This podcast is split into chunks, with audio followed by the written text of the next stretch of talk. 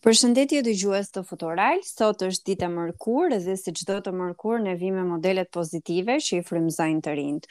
Unë sot në fakt jam shumë e lumtur për personazhin që kemi të ftuar, është zonja Edlira Mali, që unë jam befasuar me nismat edhe me mënyrën e saj të të punuarit, sidomos në fushën e marketingut, por edhe të pedagogjisë. Përshëndetje Edlira dhe duam të të njohim akoma dhe më tepër.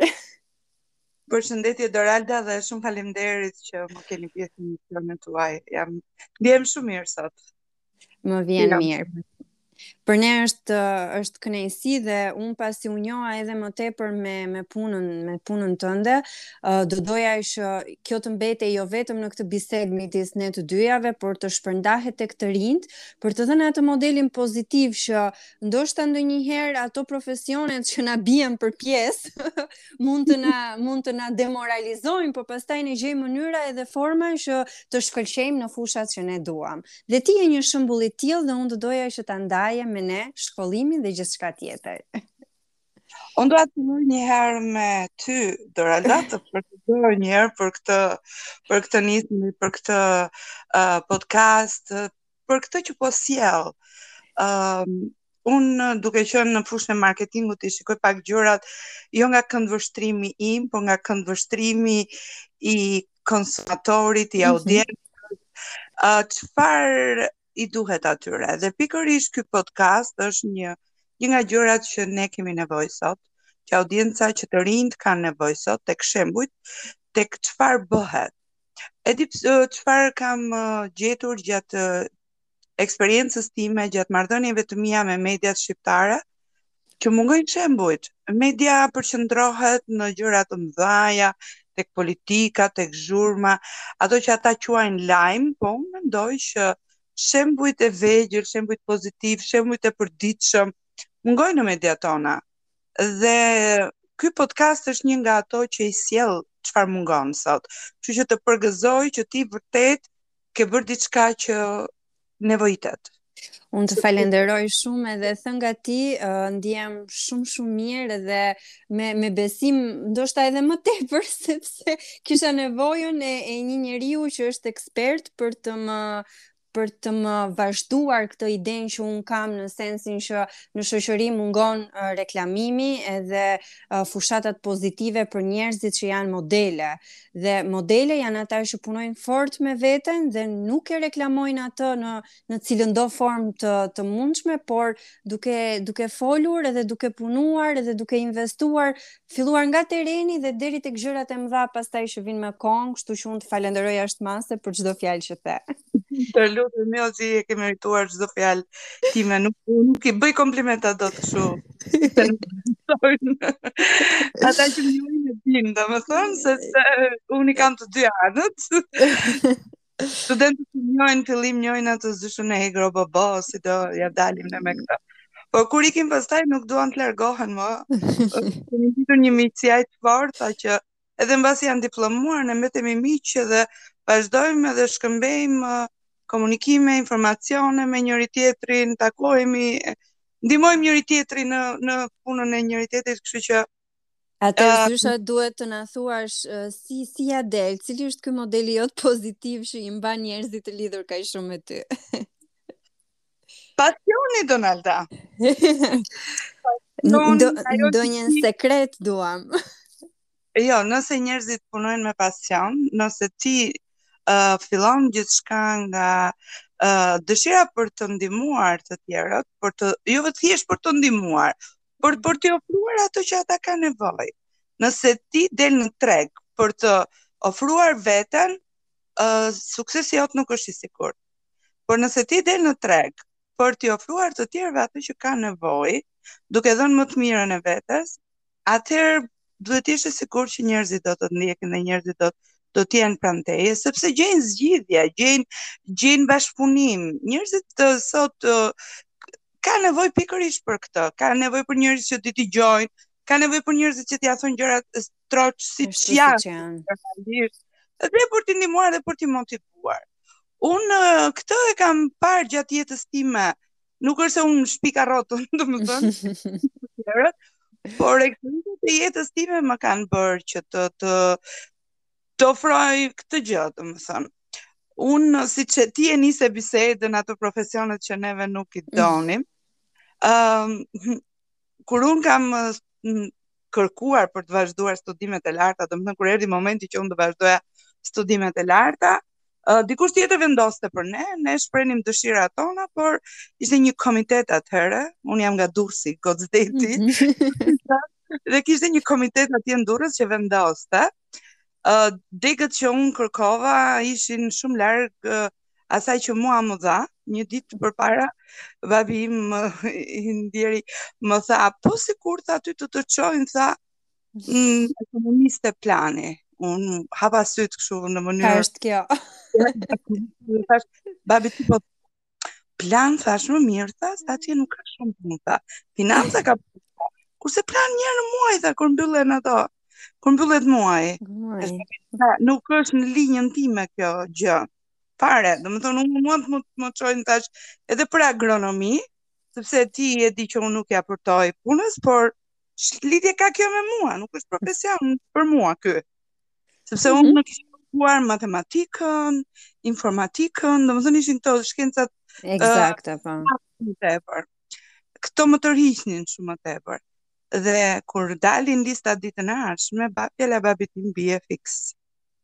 Unë isha në listën e studentëve, ku më kishte dalë, e drejta e studimit për ekonomik plan, Plan, ajo që nuk doje. Ajo që s'e kisha menduar, jo nuk e doja. Mm -hmm. Megjithatë, duke mos pasur këta miqtë, njohjet që zhbiruan të gjithë që të gjenin ato që donin dhe e mësuar nga prindrit që jetën duhet ta çash vetë, domethënë nuk nuk nuk kishte shanse që unë të mendoja që dikush mund të më ndihmonte të bëja diçka tjetër. Hyra shkollës edhe kur ne mbaruam titulli jonë, sepse unë jam në brezin e studentëve të nëntëdhjetës, të demonstratave, mm -hmm. shkolla u riorganizua në atë farë feje, dhe në fund ne morëm një titull, titulli im në diplomë ka qenë ekonomist për industri, që nuk është as, as, që nuk kupton asnjë gjë, domethënë. Uh, dhe më e bukra ishte që pastaj ndryshe nga brezat e martë, e mëparshëm ne ishim i pari brez që ne nuk na siguronin më asnjë vend pune, kështu që ne dilnim në treg të gjenim punë vetë dhe nuk e dinim çfarë ishim. Dhe nuk na dinin se çfarë ishim. Po ky nuk është rasti i vetëm, ë? Pa dashur të të ndërpres, kemi edhe në ditët e sotme në brezat e rinj që mbarojnë shkollën dhe nuk e dinë se ku duhet të punojnë. Domethënë është ky është një problem i përgjithshëm me sistemin arsimor në Shqipëri. është një problem në ato vende kur degët hapen pa pa bërë një studim se çfarë kërkon tregu dhe kjo është faktikisht Unë aktualisht jam e përfshirë në një projekt që po merret me rishikimin e kurrikulave të shkollave të mesme profesionale, mm -hmm. të cilat i përshtasin këto me kërkesat e tregut dhe kjo mendoj është një nismë shumë interesante që vërtet mundohet që të rinjtë që dalin nga shkollat, që nga shkollat e mesme, t'i përshtaten tregut, jo thjesht të marrin një diplomë dhe s'dinë ku të shkojnë pastaj, por t'i përshtaten nevojave që ka tregu. E drejtë, shumë, shumë e drejtë. Edlira, ti më the që ke punuar edhe në auditor, por edhe në terren. Më, më shpjego pak secilën nga këto eksperienca, ci, te, tek cila e gjen veten edhe si ato të kanë formuar në, në secilën nga pjesët e tyre. Uh, unë mendoj se të dyja këto të gërshetuara me njëra tjetrën kanë krijuar atë pikturën e madhe tek unë, sepse unë i shikoj që ndihmojnë jashtëzakonisht shumë njëra tjetrën. Nuk kam hequr dorë nga asnjëra në asnjë moment. Uh, kam filluar fillimisht me terrenin, por uh, gjithmonë kam ndenjur pranë universitetit, mbase mm -hmm. ngaqë mamin e kisha mësuese dhe shkollimi, arsimi ka qenë diçka e brymosur te unë. Po, ka qenë e ardhur natyrshëm ndoshta edhe me kohën. Kështu që gjithmonë kam qenë e angazhuar në universitete edhe këtu në Shqipëri, por edhe jashtë, uh, si pedagoge e jashtme, Jashtë kur kam ndjekur studimet master, kur isha studente në Shtetet e Bashkuara të Amerikës, bëja gjithashtu si pjesë e assistantship-it që kisha, isha dhe pjesë e stafit edhe pedagogjik, por merresha edhe me studime. Edhe kjo më ka ndihmuar që t'i bashkëpunoj, t'i gërshetoj, le të themi, mm -hmm njëra tjetrën, si pjesën teorike, pedagogjike, si pjesën e terrenit, mbase kjo më ka ndihmuar edhe në anën e të qenit pedagoge sepse Unë vija me shembuj konkretë që i kisha jetuar, nuk vija me mhm. shembuj librash, apo shembuj që i gjeje diku dhe ti nuk i di as vetë, ose të viteve të shekujve të mëparshëm le të po, themi. Që nuk lidhen as me situatën, as me kohën, as pastaj nuk kuptohen nga nga personat që studiojnë ato. Megjithatë unë kur fillova të lexoj akoma dhe më tepër për ty, sepse do, doja të dija sa më shumë, uh, lexova diku që je shembulli i, i pedagogut, i, i, i mësuesit, që kërkon edhe tenton format e reja. Pra ti përmbys një sistem të dijes për të sjellë diçka që është e veçantë dhe që kuptohet nga ata që duan ta mësojnë atë. Unë e di këtë gjë e thonë shpesh ata studentët e mi, sepse um, kur kemi sa herë që kemi provim, më pyesin zysh, si do e bëjmë provimin kësaj radhe, sepse me ty dy herë nuk nuk kemi një provim njësoj.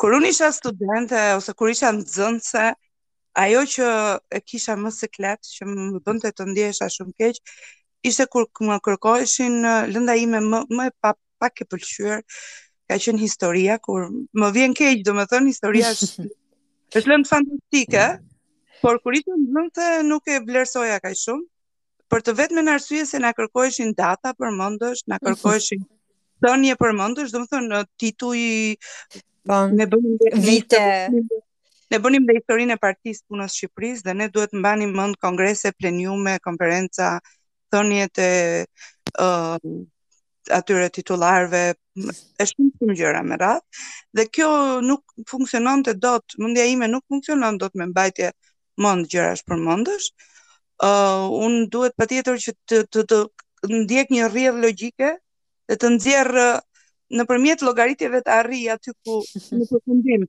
jo ta marrë përfundimin e gatshëm dhe ta pranoj gati po nuk mundem dot Kështu që edhe studentëve nuk i kam bërë ndonjëherë një pyetje teorike që çfarë është kjo. Më thoni çfarë kanë thënë, më thoni ku është. Por gjithmonë gjërat janë të lidhura me praktikën, janë shembuj gjithmonë uh, raste studimore konkrete aktuale sot, uh, të cilat ata duhet t'i aplikojnë. Pra nuk kanë, mua nuk më intereson nëse e mbajnë mend ligjin numër kaq apo mhm. thënien numër aq apo një përkufizim, përkufizim dalin çdo ditë përkufizime të reja. Çdo person që studion në fushën e marketingut apo në çdo fushë tjetër nxjerr konkluzionet e veta, sepse të jesh studiues duhet të arrish në konkluzione, nuk është thjesht të studiosh. Edhe pse studentët duhet të mbajnë mend se çfarë ka thënë Edlira, tjetri, e tjetri, e tjetri, e tjetri. Studentët duhet të arrijnë konkluzionet e veta.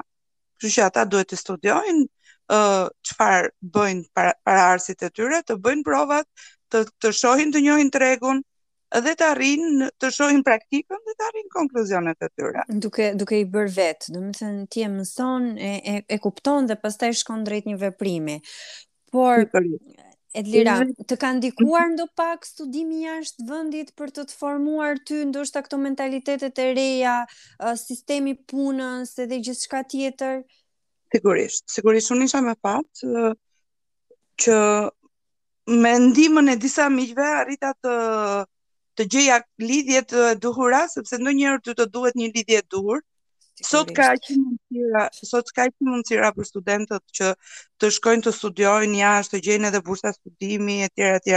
Mjafton të kërkosh, sot është një një fjalë që quhet internet që ti mund të gjesh mhm. çdo mm -hmm. gjë. Nëse ti kërkon, nëse dëshiron të kërkosh gjen. Në kohën kur unë isha studente ose kur unë mbarova studimet, nuk nuk ekzistonin këto. Kështu që ti duhet të gjeje të të qëlloje në vendin e duhur në momentin e duhur. Në kohën e duhur. Të gjeje një lidhje dhe unë pata fatin të të takohesha me persona të cilët më dhanë disa lidhje dhe arrita të aplikoj të studioj për um, administrim biznesi në Shtetet e Bashkuara të Amerikës. Por gjatë kohës që ti studioje, po vërtet ishte administrim biznesi, por gjatë kohës ti kishe mundësi të specializoheshe në një drejtim tëndin të preferuar. Uh, dhe siç thashë, duke qenë shumë e lidhur me shkencat ekzakte, sidomos me matematikën dhe me logjikën e përdorimin e numrave, isha shumë e tentuar të shkoja drejt financës, por më tërhiqte edhe marketingu në një mënyrë të të fshehtë, të pa mhm. shpjegueshme. Mm -hmm. Edhe në një nga provimet apo detyrat projekt detyr projekt, sepse atje çdo gjë bëhej praktikë dhe unë e mhm. vlerësoja shumë se çdo gjë ishte në praktikë. Domethënë lëndë teorike kishte po që ti në fund fare duhet gjithmonë ta aplikoje në praktikë. Ta lidhje me praktikën. Gjithmonë që ta aplikoje në praktikë. Dhe një nga detyrat që unë kisha atje, në vlerësimin që mora nga ajo mësuese, se unë nuk e konsideroja veten në në nivel shumë të mirë, le të themi. Vlerësimi që mora nga mësuesja në fund të notës të lëndës uh, ishte ti ke lindur për t'u marrë me marketing. Kjo ndryshoi totalisht uh, rrjedhën e jetës time. Domethënë dëshira për t'u marrë me financën apo me me shkencat uh, ekzakte u po ndryshoi, domethënë ishte thjesht ky momenti që ti more konfirmimin, apo pastaj të erdhën mundësi që ta, ta shtuan dëshirën? Ishte ky momenti, sepse siç thashë isha në dyzim, më marketingu më tërhiqte në një farë mënyre, dhe unë do të vendosja në marrjen e lëndëve, se në çfarë drejtimi do të shkoja, në drejtimin e financës, apo në drejtimin e marketingut. Dhe kjo thënie, e kësaj, e këtij, kësaj mësuese, këtij pedagogu, domethënë, më, më çoi drejt marketingut dhe unë vazhdoj ta falënderoj sepse vërtet më më dha atë që unë nuk e kisha kuptuar. Kishte nevojë, kishte nevojë për orientim. Dhe e ndjej marketingun sepse një profesion duhet ta ndjesh në lëkurë, e kam lexuar diku, nuk e mbaj mend kush e ka thënë, por është vërtet kjo gjë dhe nëse ti e bën me pasion, e bën me dëshirë, Nëse ti lexon dhe zgjerohesh sepse një gjë mund ta bësh me dëshirë, por nëse nuk nuk mëson çdo ditë, nëse nuk mëson çdo ditë, domethënë ti mbetesh mbrapa. Edhe ë uh, unë uh, mundohem domethënë që çdo herë, jo vetëm studentëve, por edhe vetes time t'i, t'i, t'i jap mundësi që të zgjerohet në informacione, të zgjerohet çdo ditë, të, të eksplorojë gjëra të reja, edhe të provojë gjëra të reja. për të bërë gjëra të bukura. Edhe këto gjëra i bëj bashkë me studentët e mi, jo vetëm, sepse gjëra që bëjmë vetëm nuk kanë shije. a, ke, a, a ke në një projekt që e ke ndjekur me studentët edhe i ke parë rezultatet e ti? Un kam uh, shumë projekte që kam ndjekur me studentë. Na thuaj aty që do më tepër. Un uh, kam një lëndë që quhet konceptim dhe menaxhim fushatash. -huh. të cilën uh, kur e mora përpara 7 vjetësh dhe lexova përshkrimin e lëndës, uh, pash që aty ishte flitej vetëm për fushatat elektorale. Dhe shkova tek shefi im dhe i thash, "Dëgjo, të lutem, a mund të diskutojmë për këtë lëndë unë i tërë sepse mua nuk më duket ë fair ndaj studentëve që të rri të flitet vetëm për fushat. Merrem një student një semestër të tërë me fushatat elektorale. Patjetër që fushatat elektorale do jenë pjesë, por nuk mund të jetë një semestër. A mund ta bëjmë këtë lëndë siç e mendoj unë? Fatmirësisht ai ishte shumë i hapur dhe më tha kjo lëndë është e jotja. Ti je titullari i lëndës, lëndën e bën ti. Vazhdo ti, domethënë merru ti me këtë lëndë. Mm -hmm. Dhe lënda kaloi nga teorike totalisht në praktike totalisht. Domethënë, studentët kanë kaluar në auditor maksimumi 3 javë, domethënë 3 orë, 3 mm. ditë, gjithsej, mm -hmm.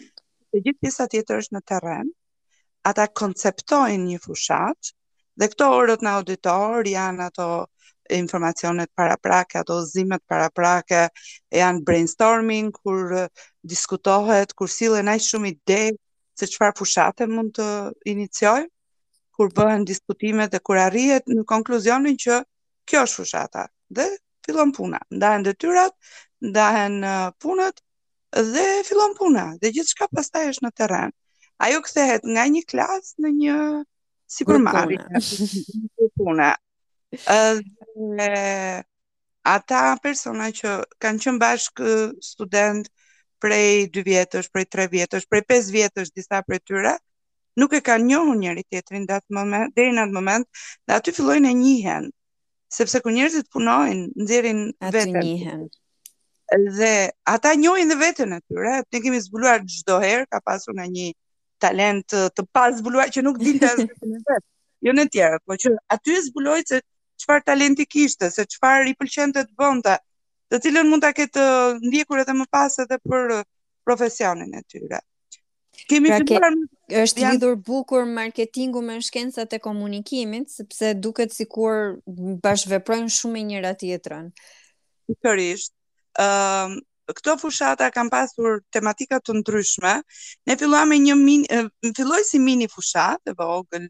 Uh, titulli, se kanë dhe tituj interesantë këta, sepse një nga gjërat, një nga sfidat që fillonin pastaj studentët të merrnin infektoheshin me entuziazmin im dhe ata.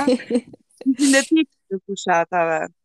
Dhe titulli i fushatës së parë, për shembull, ka qenë libri është i vetmi kopsht që mbillet për të tjerët.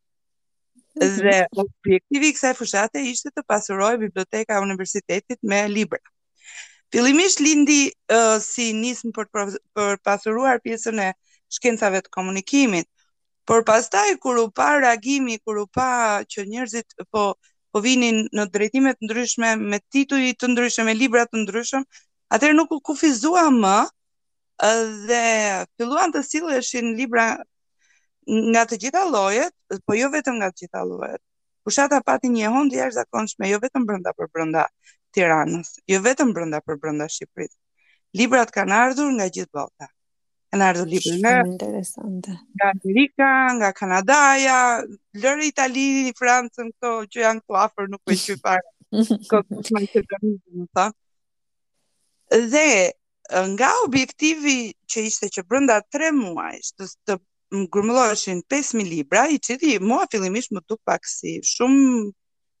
Shifër e madhe. Shumë sfidues. Megjithatë një nga... Kur unë filloj këto fushatat, ne bëjmë një marrëveshje. Unë dhe studentët, mm -hmm. që do heqim një fjalë nga fjalori. do ta zhdukim nga fjalori dhe nuk do ta përdorim atë fjalë gjatë gjithë periudhës së fushatës. Dhe kjo është fjala nuk. Ë uh, e cila është një kjo marrëveshje është aq uh, e suksesshme. Është arritur marrëveshja? do po, po. që të gjithë studentët kur mbarojnë të fjala nuk lejohet vetëm në fjalinë nuk ka asgjë që nuk bëhet.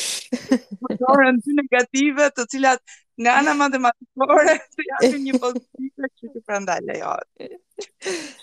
nuk mund t'i thoja që shikoni një çik se këto 5000 i keni shumë sepse nuk doja t'i demoralizoja detyra ime është që t'i moralizoj t'i t'i mo, uh, t'i uh, jap motiv po. moj t'i motivoj t'i shty përpara ja mund ja mundohem të jem aty kur edhe kur ata bien ndonjëherë se normale domethënë është është shumë normale që uh, të të bjerë fushata ose mbas çdo arritje fitohet është një sukses edhe pastaj ti prit prit thua një çik bëjmë çik pushim, po ai pushim është pak i rrezikshëm, sepse mund të bëhet prap.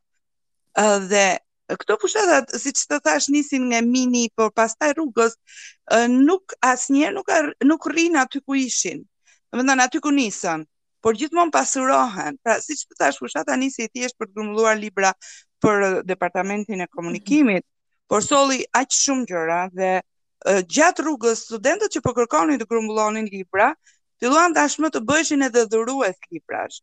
Dhuruan libra tek shkolla, disa shkolla në zonat rurale, të cilat kishin mungesa librash në shkollat fillore dhe në shkollat e mesme. Dhuruam fëmijëve të ngujuar në veri, përveç librave, dhuruam edhe mjete të tjera shkollore që këta fëmijë që ishin të ngujuar të mos kishin mungesa për për shkollën.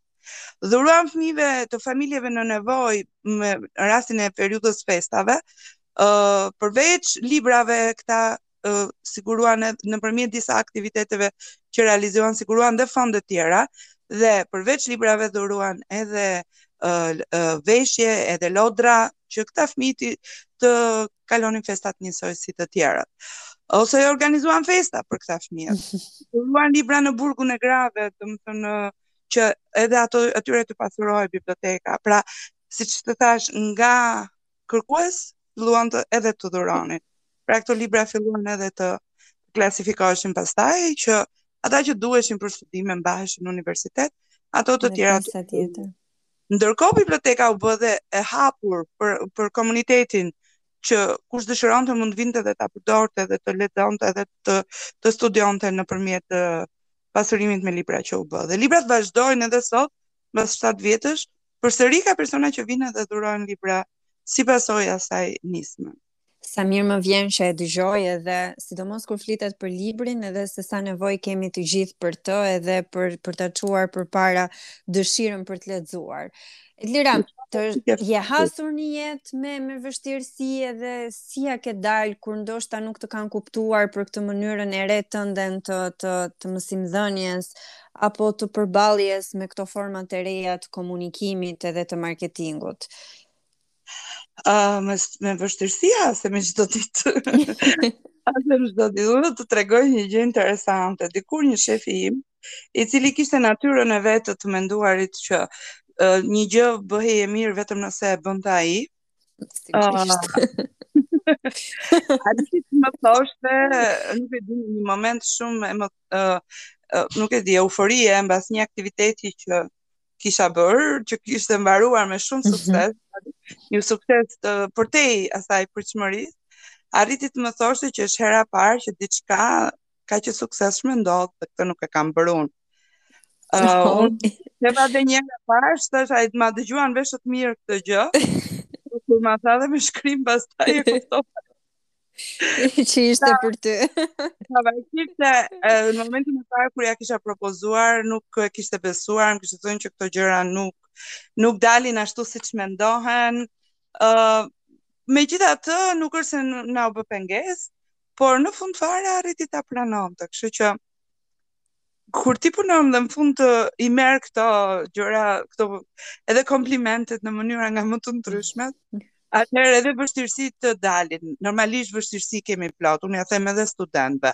Nëse pretendoni që gjithçka do shkojë në vaj, jeni në vendin e gabuar. Ti do keni plot, do përgatiteni, do keni nga të gjithë që do ju, nuk do ju besojnë, nuk do ju përkrahin, do dëgjoni shumë gjëra, por ajo që është e rëndësishme është ti të kesh një objektiv në mendje dhe të punosh drejt asaj. Është sikur ti del në rrugë, del nga shtëpia, do shkosh diku dhe duke qenë se përpara teje kaloi dikush tjetër ti të ndrosh ti të ndryshosh drejtimin. Është vërtet. Mund ta ndrosh, sepse mund të ndodhë një pengesë, një bllokim rruge, por mos harro se për ku je nisur. Kjo është e rëndësishme. Ku do të, atje ku jemi nisur. Nëse harrojmë se ku jemi nisur, ky është problem. Këshilla më e mirë. Devijime do kemi, duhet patjetër të jemi elastik në kuptimin që të mund të gjejmë zgjidhje të tjera. Plani B, Zh, alfabeti jonë ka 36 shkronja, ndryshe nga alfabetet e tjera, që që jep mundësin.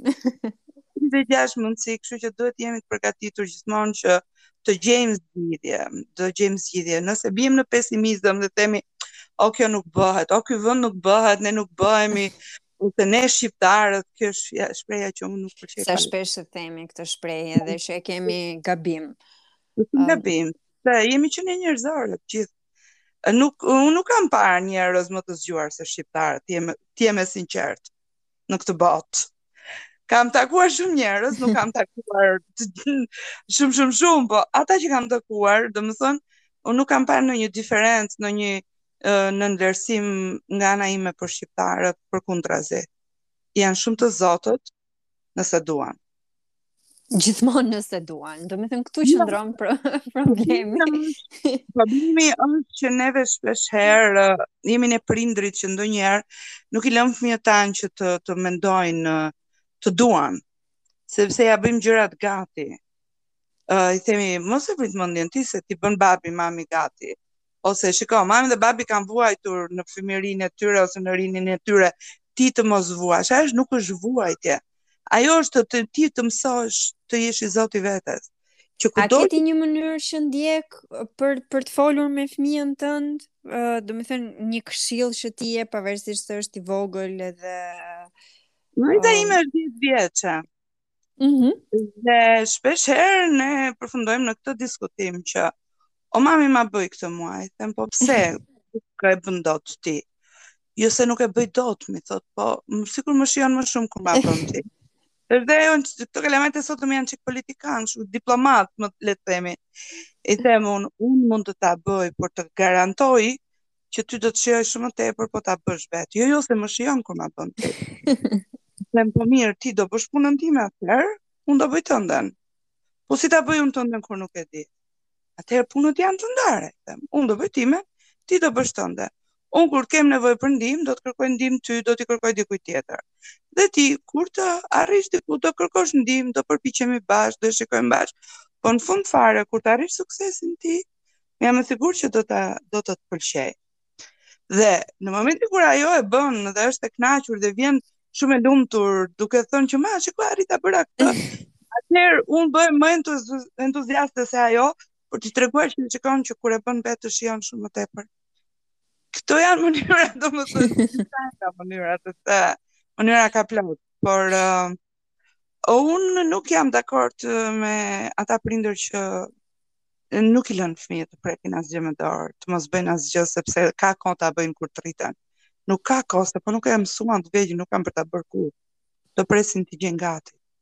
Dhe ata janë që do vuajnë më tepër. Edlira, ne unë pa e kuptuar, e shoh që 30 minuta kanë kaluar dhe do doja në fakt që të ta zgjasnim pafund se unë doja të mësoja nga ti. Por të të mësoja një gjë të fundit nëse mund. Po, patjetër. Fushata e sivjetshme. uh, mm -hmm. e këtij viti, domethënë, që filloi në 2020-ën, filloi në periudhë shumë të vështirë, në periudhë pandemie, kur gjitha leksionet zhvilloheshin online, dhe imagjinoni ne duhet të zhvillonim fushatën. Uh, I thashë vetes, mos është ky momenti që duhet të ndryshoj lëndën, domethënë, ta kaloj në mhm. në formë tjetër, megjithatë nuk e kisha këtë dëshirë. Sfida ishte akoma më e madhe sepse këtë radhë kisha dhe më shumë studentë, ishin 36 studentë që duhet t'i menaxhoja online. Ëh. Mm dhe unë do të them rezultatin, nuk do shkoj në detaje. Okay. Arritëm të krijojmë, studentët krijuan një një startup. Krijuan atë që sot quhet dritarja e mundësive. Ëh. Mm -hmm. Është një portal është një që ka krijuar një dritare, tamam dritare, dritare mundësive. Ku të rinjtë mund të gjejnë mundësi të zhvillimit profesional, duke filluar që nga uh, mundësi punësimi, uh, mundësi internshipesh, mundësi praktikash profesionale. Uh, në Lira, nëse të rinjtë na dëgjojnë tani, ku ta gjejnë dritaren e mundësive? Domethënë, ku... Dritarja e mundësive pikë kom është websajti, dritarja e mundësive është Facebooku, dritarja e mundësive është Instagrami, dritarja e mundësive është TikToku. Në LinkedIn pra po ashtu dritarja e mundësive. Okay. Je, jeni në të gjitha mënyrat edhe format e komunikimit online. dhe mund të gjejnë shumë shumë shumë mundësira. Për shembull ditën e martë dritarja mundësive organizon seminare me të rinjtë për profesione të ndryshme, ku të rinjtë informohen mbi informacione të ndryshme për të ardhmen e tyre. Janë të ftuar nga profesione të ndryshme, çdo javë është një profesion, çdo javë është një mhm. rast i veçantë, ku të rinjtë flasin, këto zhvillohen si në Zoom, ashtu jepen edhe live në YouTube Po, harrova YouTube-in unë, është dhe YouTube-i. uh, dhe live në YouTube, ku të rinjtë mund të marrin pjesë, jo vetëm për të dëgjuar, por edhe duke bërë pyetje, mund të marrin pjesë me aktivitetet e ndryshme që janë zhvilluar aty. Madje madje janë ftuar edhe të rinjtë edhe t'i t'i moderojnë këto uh, këto uh, seminarë dhe të propozojnë edhe seminare. Ë uh, kjo është një gjë që lindi nga pamundësia, domethënë, unë unë e quaj mundësia që na solli pamundësia, ne nuk donim leksione te fushata dhe gjetëm një zgjidhje alternative. Ne e nisëm duke thënë, në këtë podcast sot e nisëm duke thënë që po u ofrojmë të rinjve, juve po u ofroni të rinjve ato që ata kanë nevojë. Media jonë nuk ia ofron, atëherë mundësitë alternative ndonjëherë janë zgjidhjet më të mira dhe podcasti yt, dritarja e mm. mundësive, dhe shumë të tjera që dalin sot janë pikërisht këto gjëra që unë i falenderoj dhe i përgëzoj shumë të rinjtë që kanë iniciativa dhe që nuk i lënë ato, nuk i lënë të flenë sirtareve, duke u ankuar që po nuk kam mundësi këtu, po nuk kam mundësi atje. Çdo gjë duhet të bëhet dhe bëhet, nuk ka asgjë që nuk mund të bëhet. Mjafton. Edlira, të, fa, të falenderoj shumë për mesazhin, por edhe për dritaren e mundësive, sepse unë vetë tani sapo të përfundoj podcastin, do do futem edhe do kërkoj mbi dritaren e mundësive dhe gjithçka që ofron që t'jua bëjmë të ditur edhe dëgjuesve të futural që kryesisht janë janë të rinjtë. Nëse ti dëshiron që të shtosh diçka tjetër, uh, një një mesazh, një moto tënden, ne e mirëpresim. Ë uh, mesazhi im është ky, ë uh, kini sa më shumë ëndra dhe ndiqini ato me pasion. Mos hiqni dorë, mos lejoni askënd që t'ju t'ju bëjë të hiqni dorë nga ëndrat tuaja. Të gjitha ëndrat realizohen. Mjafton të përqendroheni aty. Faleminderit shumë. Faleminderit shumë Edlira. Faleminderit edhe një herë ty Doralda. Punë të mbarë edhe shumë suksese për ty, për studentët e tu, edhe për gjithë Shqipërinë, se uh, ata në fund të fundit janë një investim shumë i mirë për vendin tonë. Faleminderit Edlira. Faleminderit Doralda. Suksese. Faleminderit.